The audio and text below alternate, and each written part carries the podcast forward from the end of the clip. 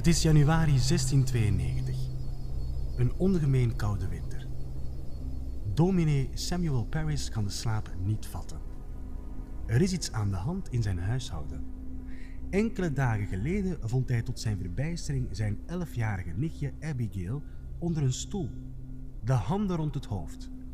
Spasmen en spiertrekkingen maakten zich van haar meester, terwijl ze klaagde over hevige pijn. Tot vandaag werkt geen enkele remedie, wat het gezin Paris ook probeert. Van pastinaakzaad, gedrenkt in rode wijn, tot olie van amber. Niets helpt. Abby wordt maar niet beter. Soms doet ze alsof ze vliegt. Met haar armen in de lucht roept ze dan wish, wish, wish. Dan weer werpt ze zich zo hard op de grond alsof haar ledematen verlammen. Plots schiet Erwaarde Paris te binnen hoe Abby eerder deze week zat te frutselen. Ze probeerde haar toekomstige echtgenoot af te leiden door naar eiwit en water te kijken onder een zogenoemd Venusglas. Hoe vaak heeft hij haar niet gezegd dat ze moet oppassen met die verdorven spelletjes? Wat er ook van zij, haar buitennissige gedrag zorgt voor paniek in het kleine huis waarin hij woont, samen met zijn vrouw, drie kinderen en dus ook zijn nichtje. Stel je voor dat ze met die ellendige aandoening de rest van het huishouden bezoedelt. Er moet iets gebeuren. Dan schrikt hij op. Luid geschreeuw. Hij hoeft niet lang te zoeken naar de bron ervan. Zijn negenjarige dochtertje Elizabeth ligt in haar bed te janken van de pijn. Haar lichaam neemt vreemde, bijna tegennatuurlijke posities aan en ze kreunt dat ze geknepen wordt. De dominee en zijn vrouw zien niemand anders in de kamer. Wat is hier in godsnaam gaande? Paris is een diepgelovig man en heeft al gelijkaardige verhalen vernomen van horen zeggen. Hij en zijn vrouw kijken elkaar aan. Zou het? Is het kwade nu ook neergedaald in Salem?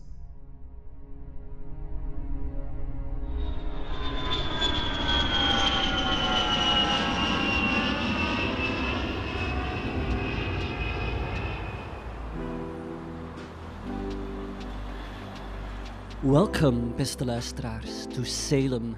Wij zijn met ons gesproken dagblad De Grote Plas overgevlogen. We zullen maar niet zeggen hoe. En hier staan we dan op Washington Street.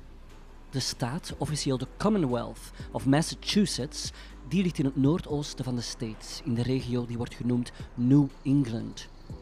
In de jaren 1620-1630 werd New England gekoloniseerd, vooral door de Puritijnen. Dat waren Britse protestanten met een heel zuiver geloof in het evangelie. Zij vonden dat ze in het Anglikaanse Engeland hun religie niet vrij konden beleven. En na een oceaan te hebben overgestoken, wilden ze hier een nieuw Jeruzalem stichten. Jeruzalem, Shalem, Salem trouwens. Net zoals Jezus Christus naar de wildernis trok om daar door de duivel op de proef te worden gesteld, trotseerden de Puritijnen de meedogenloze wildernis van de nieuwe wereld. Hier was het leven knap lastig. Het was gefundeerd op landbouw. Een slechte oogst was dodelijk. De mensen die hier al woonden, die wilden de Puritijnen tegen elke prijs bekeren. Hier in Salem is dus een beschaving opgebouwd from scratch. En vandaag is het een mooi, middelgroot, historisch kuststadje. Maar iedereen heeft al wel eens gehoord van Salem. Zij het door de nogal fictieve serie Salem, of zoals ik zelf, door een aflevering uit The Simpsons. Je moet de naam Salem nog maar laten vallen en de gemiddelde Amerikaan denkt heksen. Deze plek zit duidelijk diep in de collectieve herinnering. Welk drama heeft zich hier voltrokken? De huizen waar we voorbij lopen zijn voor een groot deel niet meer origineel. Sommige zijn vervangen door rood bakstenen exemplaren met hoge schoorstenen en andere door heel kleurrijke. Ah, zie je dat gebouw daar in de 19e eeuwse mm, neo-Griekse stijl? Dat is het gemeentehuis. In december 2019 plaatste de burgemeester van Salem vanuit zijn kantoor daar een tweet met daarin in niet mis te verstaande woorden dat een inmiddels ex-president dringend eens wat geschiedenis moest leren. Trump die had namelijk de eerste impeachmentprocedure tegen hem vergeleken met de Salem-processen. Wel, wij met ons gesproken dagblad offeren ons graag op voor deze geschiedenisles. Misschien luistert de Donald wel naar ons, nu hij behalve golfen toch niet meer zoveel te doen heeft. Sorry, politiek neutrale podcast. Voor ons verhaal reizen we vandaag samen met u naar de laatste jaren van de 17e eeuw. Dit stadje van 40.000 inwoners wordt dan een dorp van om en bij de 500. Die toeristen daar en die kinderen die een heksenspeurtocht aan het volgen zijn, die veranderen in ernstige, vrome dorpelingen in sobere kledij.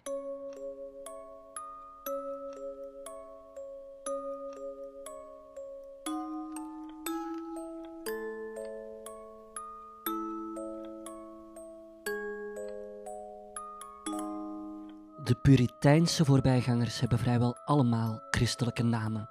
Elk huishouden beschikt over minstens één Bijbel en hun dagtaak zich niet laten verleiden door zonde. Iedereen moet samenwerken om het dorp te doen overleven en mensen kennen elkaar goed. Stel dat je op deze stoep zou staan, of liever de niet verharde zandweg, en aan iemand hier zou vragen: wat is een heks? Dan zou het antwoord heel concreet zijn. Een heks, dat is een man of vrouw, vaker een vrouw, die een pact heeft gesloten met de duivel. En zich onledig houdt met malafide affaires, met als doel zoveel mogelijk mensen recruteren voor Satan.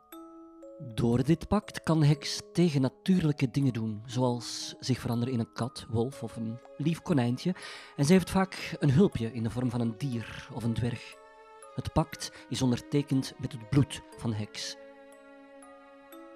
Heel belangrijk, luisteraars. We mogen deze visie niet zomaar wegzetten als volksbijgeloof. Ze werd religieus verankerd. Heksen bestonden echt in het ultragelovige New England. Het beeld van de duivel daarentegen, dat was veel vager.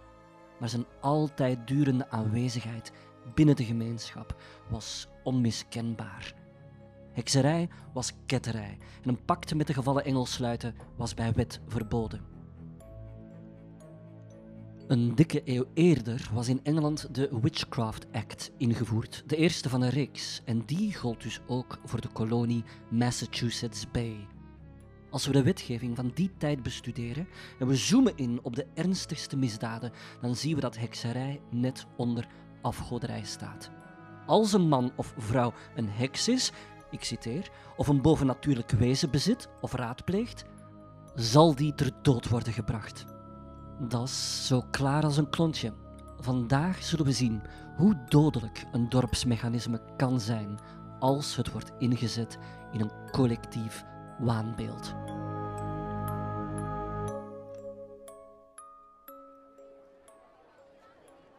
Wat maakt Salem dan zo bijzonder? Akkoord, er waren links en rechts al wat heksen gespot in New England, maar de schaal van de heksenwaan hier, dat is ongezien. Kom, wandelt u mee. De meeste huizen hier die hebben muren van horizontale planken, tellen twee verdiepingen onder een scherp dak. Ze hebben allemaal kleine rechthoekige raampjes, maar vooral, ze zijn helemaal zwart. We zijn op onze volgende stop, in Center Street. We staan voor het huis van dominee Samuel Paris. Hier wordt het startschot van de processen gegeven, in de winter van 1692, door twee nichtjes, de negenjarige Elizabeth Paris en de elfjarige Abigail Hobbs, die beginnen zich heel vreemd te gedragen. Ze beginnen wartaal uit te slaan, te zingen, ze gooien agressief met spullen, ze krijgen stuipen, ze bedekken hun oren of ze blaffen tijdens de preek van dominee Paris in de kerk. Ze lijden kennelijk aan een of andere spreuk. Na een doktersbezoek luidt de diagnose: ze zijn behekst. Door een heks. En die heks die moet ergens rondlopen, hier, in deze gemeenschap. Zo begint het. De volgende vraag. Wie, oh wie, wordt door de twee meisjes met de vinger gewezen? Goh ja, het zijn nogal voor de hand liggende kandidaten.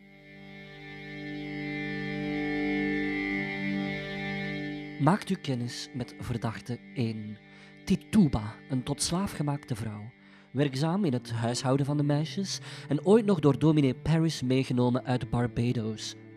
Dan hebben we verdachte nummer 2. Sarah Osborne. Ah, een arme weduwe. En tenslotte hebben we verdachte nummer 3.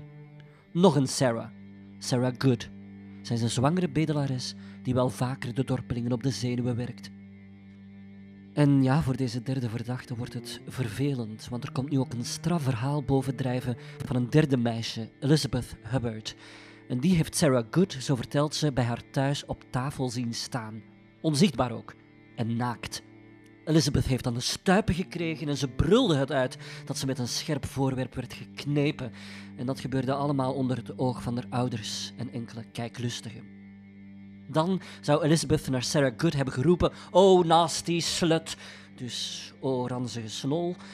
En dat ze haar wilde afmaken. En dan begon volgens haar verhaal een omstaander met een stok ergens boven de tafel te zwaaien in de hoop de onzichtbare vrouw te raken, wat volgens het meisje ook gebeurd was. Dus 1, 2, 3 verdachten. Wat gebeurt er met ze? Begin maart worden ze vastgezet in de gevangenis in afwachting van het proces. Een heks vastketenen was belangrijk, want zonder haar armen kon ze niets meer doen. Wanneer de ondervragers aankomen, begint verdachte 1, Tituba, de slaafgemaakte vrouw, plots dezelfde symptomen te vertonen als de twee meisjes bij wie ze werkt. Dominee Paris, belangrijk om weten, had trouwens eerder al een bekentenis uit haar geklopt. Op haar beurt bevestigt Tituba de schuld van verdachte 2 en 3, Sarah Osborne en Sarah Good. En ze vertelt ook dat ze heeft gevlogen. Ja, ja, naar Boston en terug. En dat ze haar naam in een boek heeft moeten schrijven. Een boek van een grote man. De interesse van de ondervragers is gewekt. Gaat het hier om Satan die heksen aan het ronselen is? Staan er wellicht nog namen in dat boek buiten Tituba en twee Sarahs? Indien ja, hoeveel juist? Tituba houdt de spanning erin, maar na een poosje zegt ze dan toch negen. En ze bekent dat er sprake is van hekserij. Vanaf dan zit het spel op de wagen. Er zitten negen heksen ergens verstopt in Salem. Voor de autoriteiten voldoende om niemand nog te geloven die beweert geen heks te zijn. Het loopt volledig uit de hand. Waar rook is, is vuur. Dit is het hoogseizoen van roddels, oude wrok, angsten, antipathieën, onbeantwoorde liefdes, stiekeme vermoedens. Iedereen heeft opeens een eitje te pellen met zijn buren. En een zeer effectieve manier om niet beschuldigd te worden was om anderen te beschuldigen. Zolang de ander nog zondiger leeft dan jij, ben je iets minder onveilig. En in deze koortsachtige sfeer beschuldigt een dochter haar moeder en grootmoeder, een echtgenoot zijn echtgenote en de hoogst opgeleide het kleinste kind, allemaal in naam van God. Het is dus bij drie vrouwen begonnen, maar nu wordt er om de haverklap iemand opgepakt en voor het gerecht gedaagd. Maar goed, wij mogen ons stilaan opmaken voor die processen. Ze zijn openbaar en we hebben ons een ticket geboekt. Ja, beste luisteraars, we staan hier intussen in een soort ontmoetingsruimte. Ik schat uh, eh, 10 meter op 8,5. Het is een kruipkot. Buiten is het een drukte van je welste. Zowat de voltallige bevolking van Salem, maar ook mensen uit naburige gemeenschappen willen dit net als wij voor geen geld missen. En ook binnen krijgen we nauwelijks adem. Ja, omdat we de coronacrisis intussen spuugzat zijn, gaan we geen grap maken over social distancing. Het zogezegde bewijs van hekserij bevindt zich ook op luttele meters van de rechters. Die zitten daar op hun verhoog, in het zwart. Ginder zit de behekste meisjesclub, naast de beschuldigde vrouwen, om niet te zeggen bijna op hun schoot. En zoals we kunnen zien, wringen ook nu hun lichamen zich in allerlei bochten. Er zijn er een paar in trance, ze schreeuwen het uit. De beklaagden krijgen geen juridische bijstand, want hier in Massachusetts Bay loopt geen enkele advocaat rond. En ook nog vervelend, het recente nieuws dat Engeland gestopt is met heksenvervolgingen, ja, dat heeft New England jammer genoeg niet bereikt. Hier leven ze zo'n beetje in hun eigen tijdsgevricht, hun bubbel, nietwaar. Vandaag is het 21 maart 1691 en er staat een Martha Corey op het programma. Hoe zijn haar kansen? Wij kennen haar niet. En daarom hebben we links en rechts een beetje inlichtingen ingewonnen. We hebben wat tegenstrijdige verhalen gehoord. De mensen hebben het hier meestal van iemand die het heeft van iemand anders. U kent het wel. Maar die mevrouw, ah, die momenteel op mijn rechtervoet staat, die was toch vrij verbaasd. Die Martha was blijkbaar erg vroom en ze zat iedere zondag fatsoenlijk in de kerk.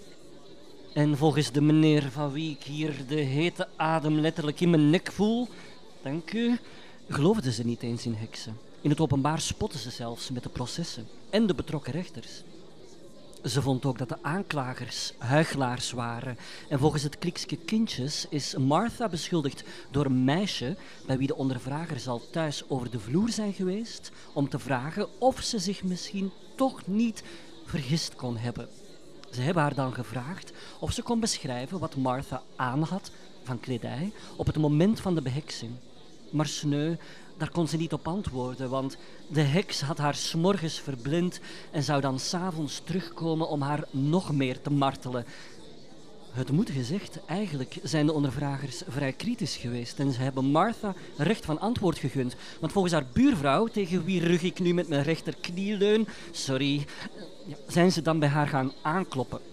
Er waren geen getuigen, ze was alleen thuis, maar ze heeft zich naar verluid toch wel wat arrogant gedragen, zoals wel vaker heb ik gehoord. Want ja, wat, wat deed ze? Ze begon vooruit te lopen op hun vragen. Ze zou gezegd hebben, jullie komen mij hier zeggen dat ik een heks ben, hè?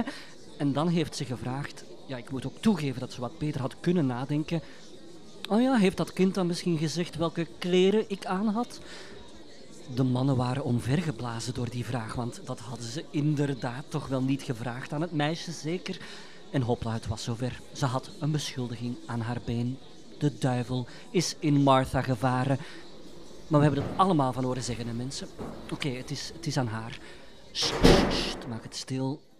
Ze staat voor de rechters. Examinatie van Martha Corey. Ondernomen door magistraten en rechters John Hathorne en Jonathan Corwin opgetekend op instructie van eerwaarde Samuel Paris.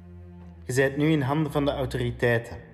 Martha Corey, waarom berokkent jij deze personen schade?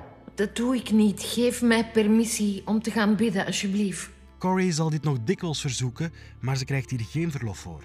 Vertelt ons waarom jij hen pijn doet. Ik ben een onschuldig persoon. Ik heb nimmer sedert mijn geboorte hekserij beoefend. Ik ben een vrouw vroom aan het evangelie. Ziet gij dan niet dat ze over u reclameren? Vertelt ons wie deze kinderen dan bederft. Ik weet het niet. Hoe wist gij dat we het kind zouden vragen naar de klederen die gij droegt? Nog voor Corrie wederwoord kan bieden, roept een enkeling dat ze niets moet beginnen voor te wenden. Mijn man had mij dit gezegd. Wanneer haar man Gilles Corrie gevraagd wordt of dit waarachtig is, betwist hij iedere betrokkenheid. Wie doet deze kinderen pijn? Kijkt hen aan. Ik kan er niks aan doen. Hoe zijt gij dat van die klederen te weten gekomen? Ik heb het alleen maar gevraagd. Gij durft dus te liegen. Hier, in volle bijeenkomst. De rechters blijven vragen naar hoe ze in godsnaam van de klederen afwist. Ze eisen dat ze haar huichelarij staakt.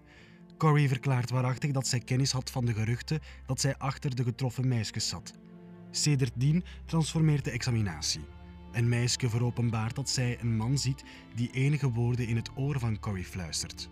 Wat heeft hij zojuist tegen u gezegd? We, we moeten toch niet alles geloven wat deze verwarde kinderen zeggen? Hier ziet ge er nog twee die u beschuldigen. Wat zegt gij hier tegen? Dat ik onschuldig ben. Wat kan ik ondernemen? Ja, vele mensen moeten mij niet. Waarom bekennen? Hm? Kan een onschuldig persoon schuldig pleiten? We moeten echt niet alles betrouwen wat die verwarde kinderen pretenderen. Jij beschuldigt ze van verwardheid. De kinderen zijn niet verward. Verward zijn is vergankelijk kort, maar zij leggen hun eigen toe op u en dat is geen signatuur van verwardheid. Als jij hen geen leed hebt toegebracht, spreek dan uit wie wel. De rechter houdt aan met vragen of ze dit alles ontkent en Corrie houdt haar schuldeloosheid staande. Hier zijn twee mensen die hebben waargenomen hoe jij dit meisje met een ijzeren baar hebt geklopt. Ik heb daar echt niks mee te maken. Zijn de kinderen dan wellicht behekst? Dat zou kunnen, maar voor zover ik weet heb ik daar niks mee te maken. Jij zegt dat jij geen heks zijt. Misschien bedoelt jij dan dat je nooit hebt samengespannen met Lucifer. Maar hebt jij ook nimmer een bovennatuurlijk schepsel als huisdier bezeten? Nee, nimmer. En, en hoe verklaart jij dan dat de kinderen daar juist getuigden van ene vogel die jij aan het voederen waart? Ik, ik heb geen weet van enige vogel. Jij hebt u er al op toegespitst dat je niet gaat bekennen, maar God weet alles. Gelooft jij niet dat er andere heksen rond waren in dit land? Nee, ik heb geen weet van enige heks. Weet je dan niet dat Tituba bekend heeft? Ik- Ik heb haar niet gehoord. Als Corrie op haar lip bijt, worden de getroffen meisjes vrijwel tegelijkertijd gebeten. Ze kermen het collectief uit van de pijn. Als Corrie hierop wordt gewezen, ziet zij hier geen graten in. Wat hebt jij te zeggen op al die dingen die zo klaar zijn? Als jullie mij allemaal wilt ophangen, wat kan ik daar dan nog aan veranderen? Hebt jij de duivel gediend? Corrie lacht. De kinderen schreeuwen en huilen omdat ze wederom een gele vogel waarnemen die rond Corrie vliegt. Als de rechter hiernaar vraagt, lacht Corrie andermaal. Wanneer haar handen ontbonden worden, heerst ontzetting in het publiek. De aanwezige meisjes voelen plotsklaps geknijp. Waarom declareert jij niet dat de duivel uw vorm heeft aangenomen en deze meisjes leed toebrengt? Hoe kan ik dat weten? Wat is dat met dat boek waarin jij de namen van deze kinderen ging nederschrijven? Welk boek? Waar zou ik een boek halen? Ik heb ze geen boek gereveleerd en ook geen gebracht. Wie is uw God? De God die mij heeft gemaakt. Wie is die God dan? De God die mij heeft gemaakt. Wat is zijn naam? Jehovah. En is hij bekend onder een andere naam? God Almachtig. Heeft hij u niet gewoon gezegd dat hij God Almachtig is? Ik aanbid niet meer dan de God die mij geschapen heeft. Corrie wordt alweder gewezen op het feit dat ze op haar lip bijt en dat de meisjes onverwijld te stuipen krijgen. Waarom doet gij hen pijn? Of wie doet hen pijn? Ze ontkent wederom. Waarom zegt je dat indien gij een heks waart geweest, dat gij dan geen vergeving verdient? Omdat ik een vrouw ben. Zes dagen na deze heftige ondervraging houdt dominee Paris, in wiens huis het dus allemaal begon, een preek in dezelfde ontmoetingsruimte. De meeste bewoners van Salem zijn trouwens geen liefhebber van de dominee en een dik half jaar later stoppen ze met het betalen van zijn salaris. Onze Heer Jezus Christus weet hoeveel duivels er in zijn kerk zijn en wie zij zijn. Wat willen wij zeggen met duivels? Eén van u is een duivel. En dat woord behelst elke boosaardige geest. Soms duidt het op de prins, het hoofd van de gevallen engelen zelf, maar bij wijle wordt het aangewend voor alle laaghartige en goddeloze schepsels, van wie de meest verfoeilijke diegenen zijn die in hun schofterigheid en ongeloof het hardst op duivels en boze geesten gelijken. Naarmate het nieuws van hekserij zich verspreidt in het dorp, vallen er nieuwe slachtoffers. Opnieuw lichamen die verdraaien, hysterische aanvallen of iemand die ineens een prikkende huid heeft.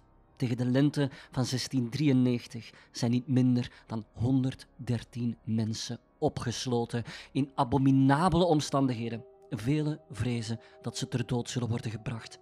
Ja, daar mochten we niet bij zijn, maar in de bronnen worden de veel te kleine, ongeventileerde, smerige gevangenissen echt beschreven als een graf voor de levenden. Familieleden moeten de vermeende heks in leven houden door het verblijf te betalen. Het beddengoed, lees stro, wemelt van de luizen. Martha Corey, die zit zes maanden na haar ondervraging nog altijd in de gevangenis. Wat ons opvalt is dat het concept onschuldig tot je schuld bewezen is hier vrij onbestaande is. De rechters oordelen als volgt. Zulke symptomen verzin je niet, dus hekserij is het sowieso. En dan is het aan de beklaagde om te bekennen of te ontkennen. Met één verkeerde uitspraak, zoals die daarnet over die kleren, teken je je doodsvonnis. En toegeven dat hekserij bestaat, is al gauw hetzelfde als zelf een hek zijn. Wat gebeurt er als je bekent? Wel, je blijft leven, want je was nuttig voor het aanwijzen van anderen. Bekentenissen worden ook afgedwongen, maar foltering is volgens het Engelse gewoonterecht verboden. Dus wat in Salem gebeurt, wordt officieel niet foltering genoemd. Wat hebben we zoal? Beschuldigden die geprikt en geport worden met nagels en naalden. Maar dit maakt deel uit van lichamelijk onderzoek. De ondervragers die gaan dan in de buurt van de borsten, geslachtsdelen of de anus op zoek naar een ongebruikelijke moedervlek of vrat of zo, die dan geïnterpreteerd kan worden als een bovennatuurlijke tepel waarmee ze hun demonische huisdieren zogen. Of je wordt onderworpen aan urenlange ondervragingen en uit je slaap gehouden en bedreigd met erger. Maar dit alles wordt niet beschouwd als foltering.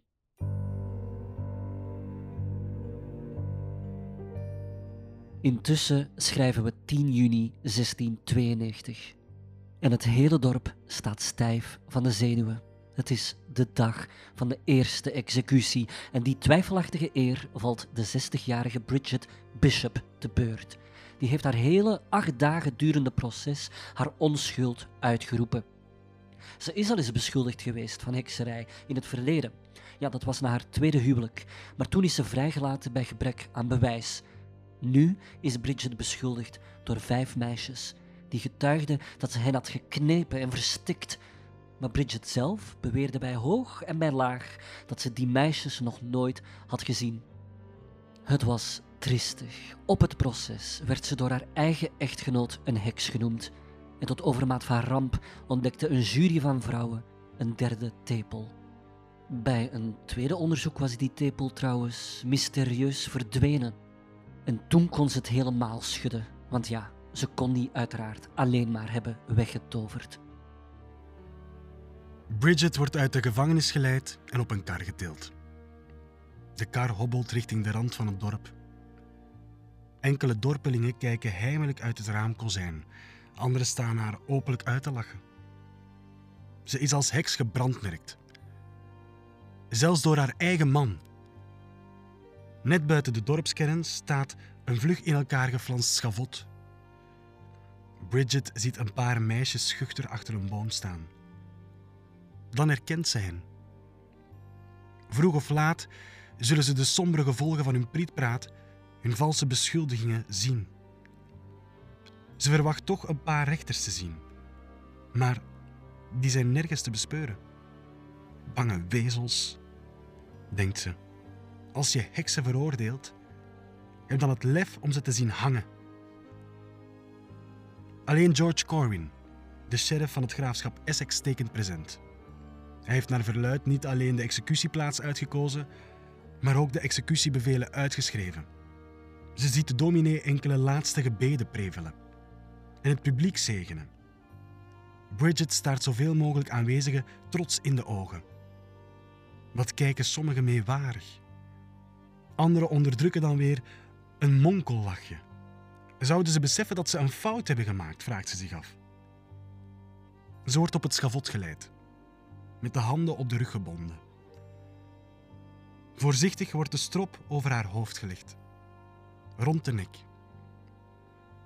Haar onderrok wordt rond haar benen vastgemaakt. Waarschijnlijk omdat ze niet wild in het rond kan schoppen en tegelijk kuis haar schepper tegemoet gaan. Je hoort de sheriff diep ademhalen. Het moment is gekomen. Ze voelt zijn hand op haar rug. En hij duwt.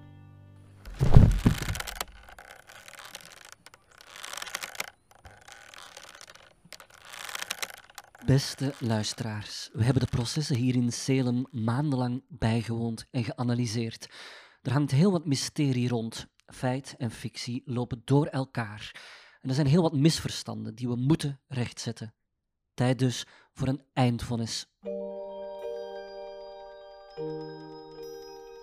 Ten eerste noemen we heel deze heksenketel vaak de processen van Salem, maar de zogenaamde heksen woonden niet alleen hier.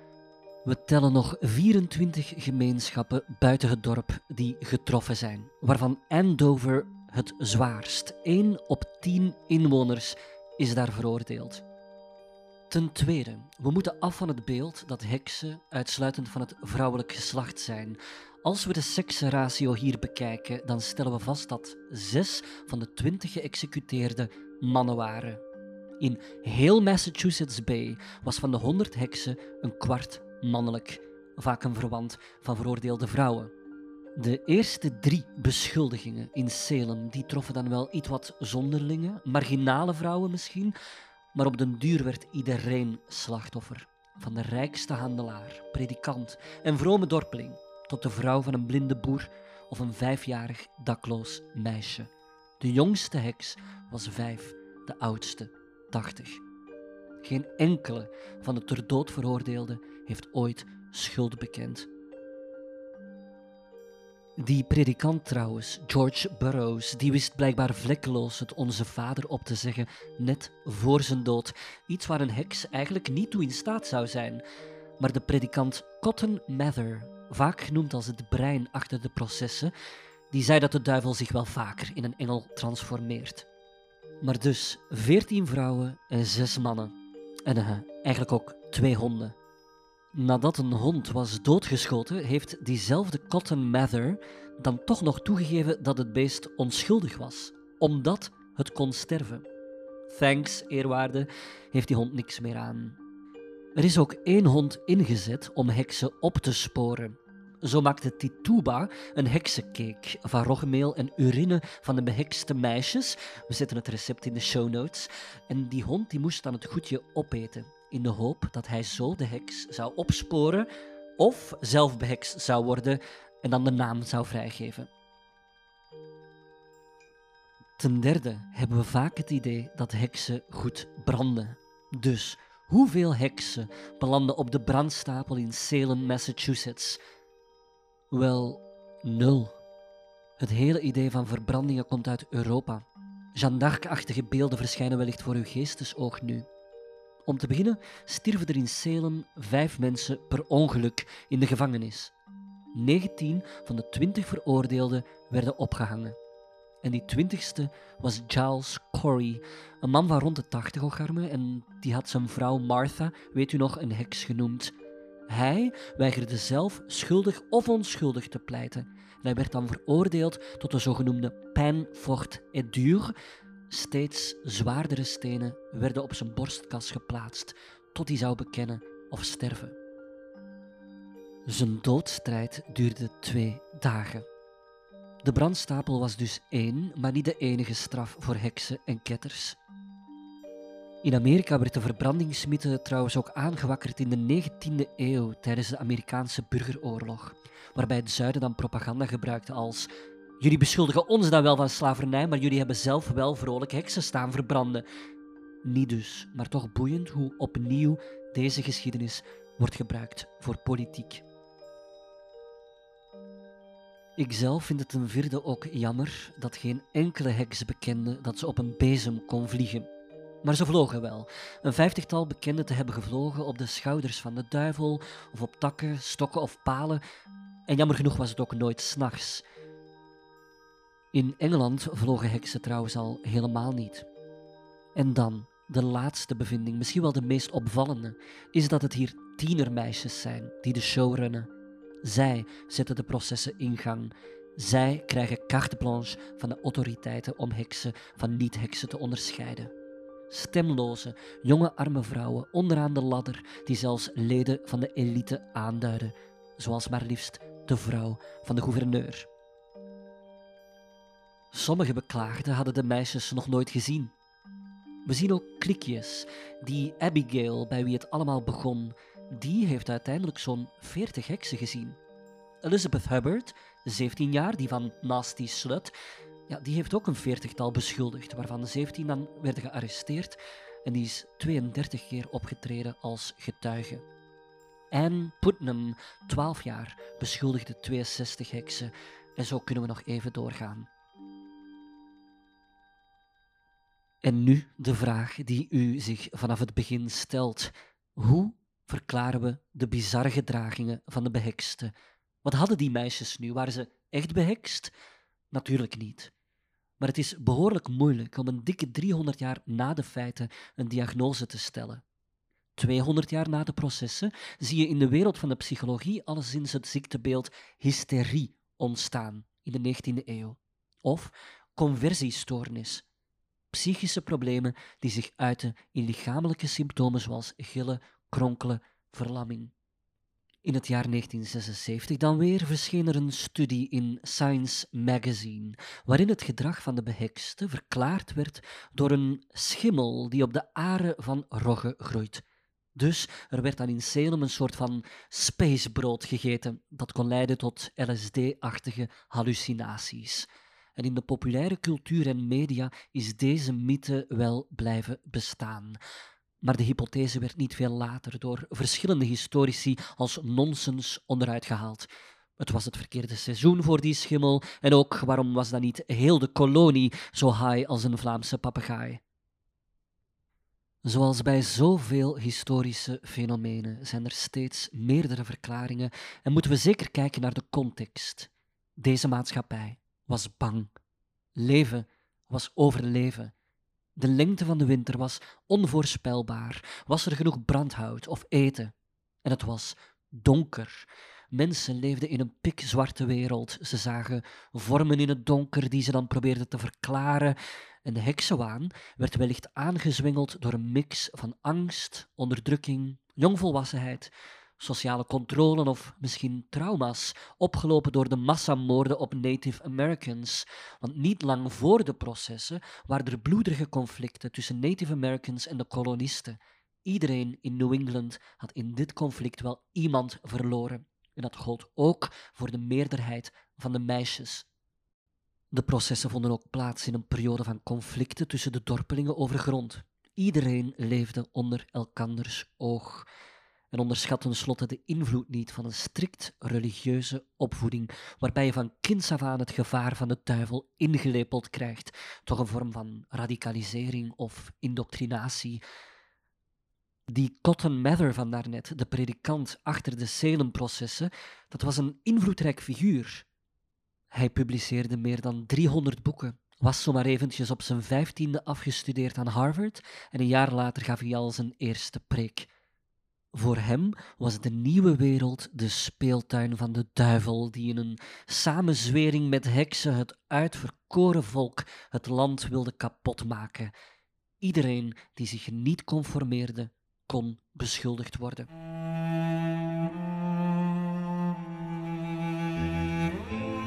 Maar liefst negen malle maanden was Salem behekst door een absurde heksenwaan. 140 tot 180 mensen werden in totaal beschuldigd. Maar hoe is het uiteindelijk opgehouden? Wel, ineens vond de gouverneur van Massachusetts bij het welletjes. Dat zijn vrouw net beschuldigd was, zat er allicht voor iets tussen. Hij liet alle arrestaties intrekken. In september 1692 werd de laatste heks opgeknoopt.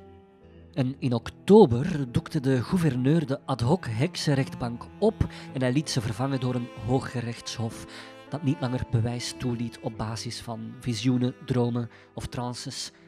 Hierdoor werden heel wat arrestaties voorkomen en vele verdachten vrijgelaten. Verschillende verdachten lieten achteraf weten dat ze hadden gelogen door het meedogenloze spervuur aanvragen. Maar ook de vooronderstelling van hun schuld en de mishandeling in de gevangenis. Marteling had voor valse bekentenissen gezorgd. Slechts één rechter, Samuel Sewell, verontschuldigde zich vijf jaar later publiekelijk voor zijn rol in de heksenprocessen. In 1696 werd een dag ingevoerd waarop gevast moest worden ter nagedachtenis.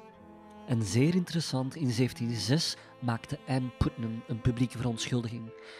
Zij was een van de meisjes en daardoor had zij een belangrijke rol gespeeld in de massahysterie. En het was zij die onder meer Bridget Bishop had beschuldigd, die wij samen met u zijn gevolgd naar de galg. Intussen was Anne 28, twee keer zo oud en duidelijk tot zinnen gekomen. We luisteren samen.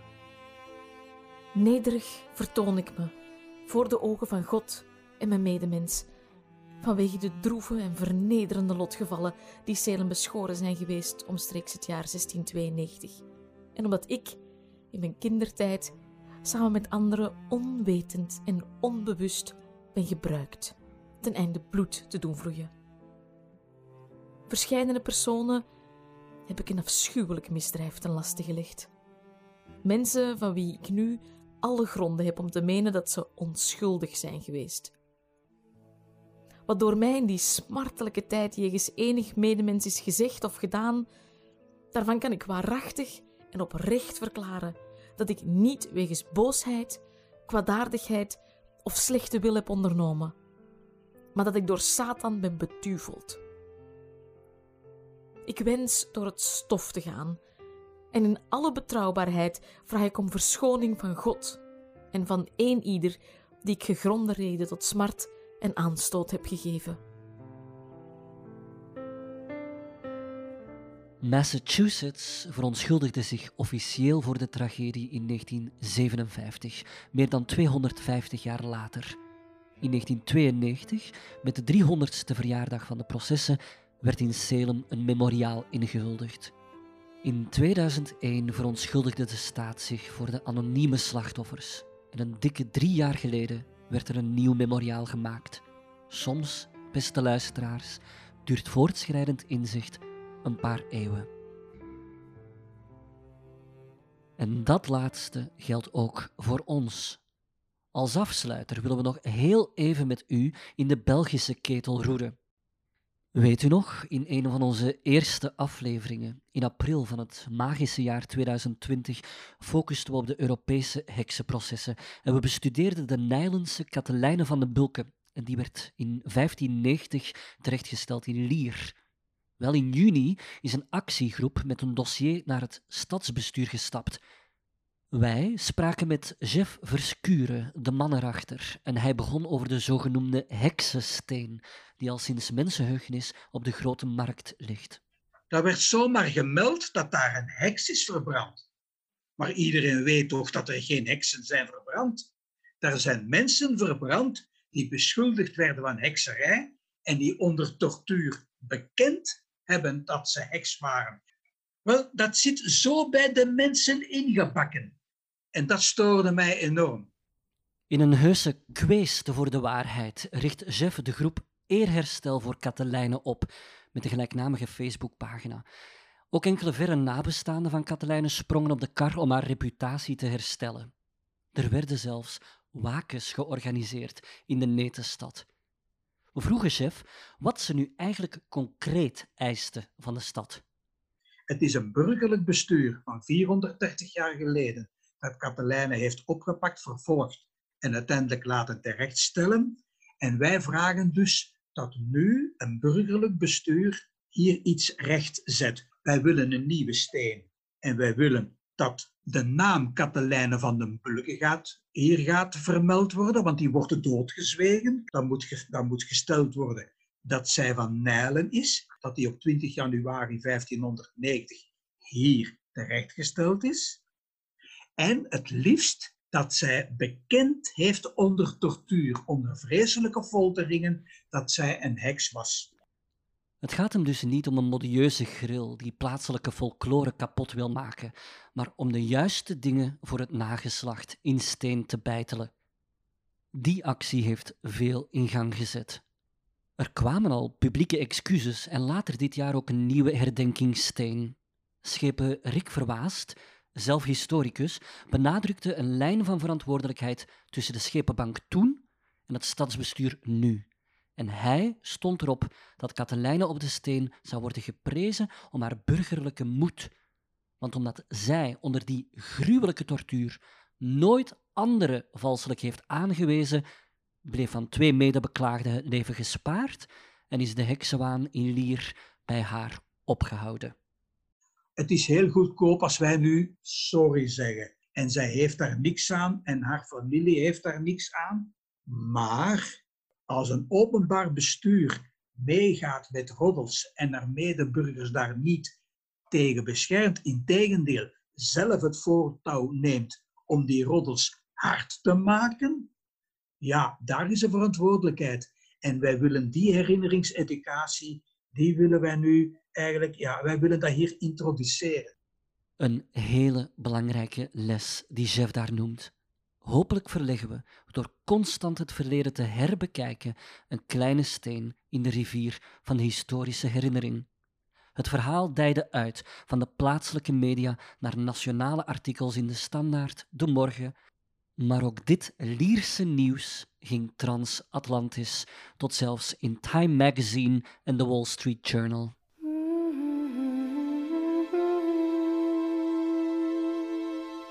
Wij zijn er voor vandaag.